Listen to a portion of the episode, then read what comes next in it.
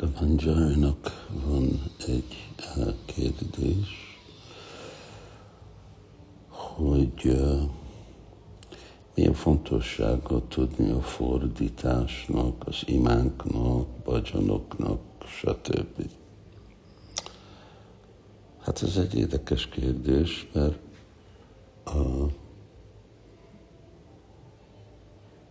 nem egyértelmű, hogy nekünk kell tudni, hogy mit mondunk, mit dicsérünk, vagy kit dicsérünk, mi az, amit mi kérünk Krishnától, és hogy igazából ez, ez igazi bakti legyen, ez a szívünkből legyen.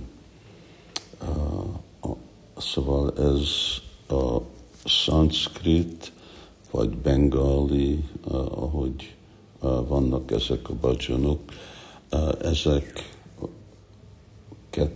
ugye ismételte azok a személyek korábban, akik beszéltek, ismertek ezeket a nyelveket.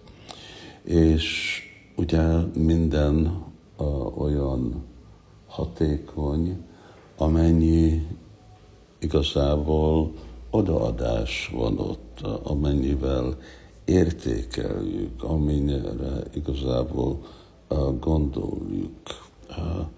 A szavak önmaguk nem a a legfontosabb dolgok, amikor a szavakról van szó, akkor az mechanikus de még mindig a, a szók adják nekünk a lehetőséget, hogy kifejezzük szívből az, amit mi mondunk.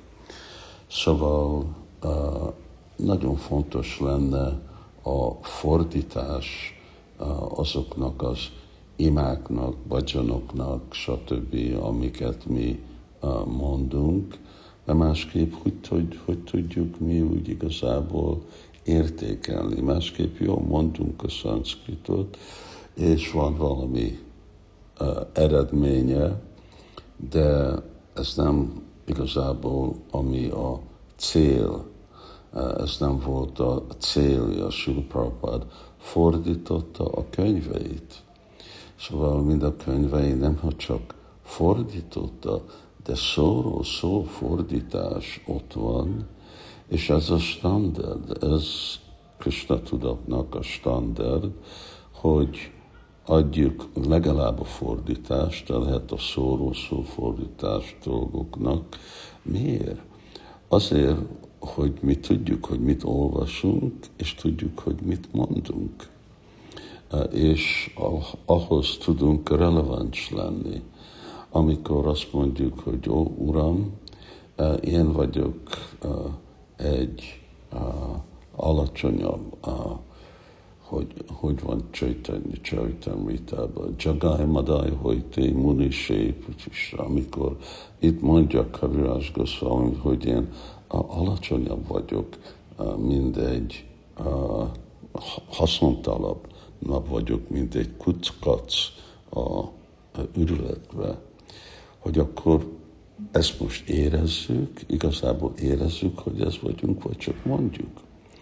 Mert Krishna Jajitaman Prapadjanti másképp fog viszonyulni.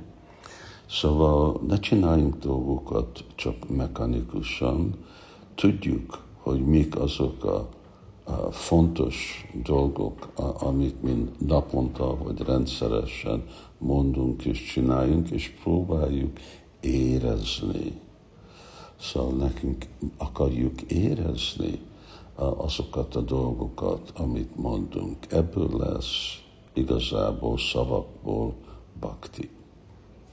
Hari Krishna.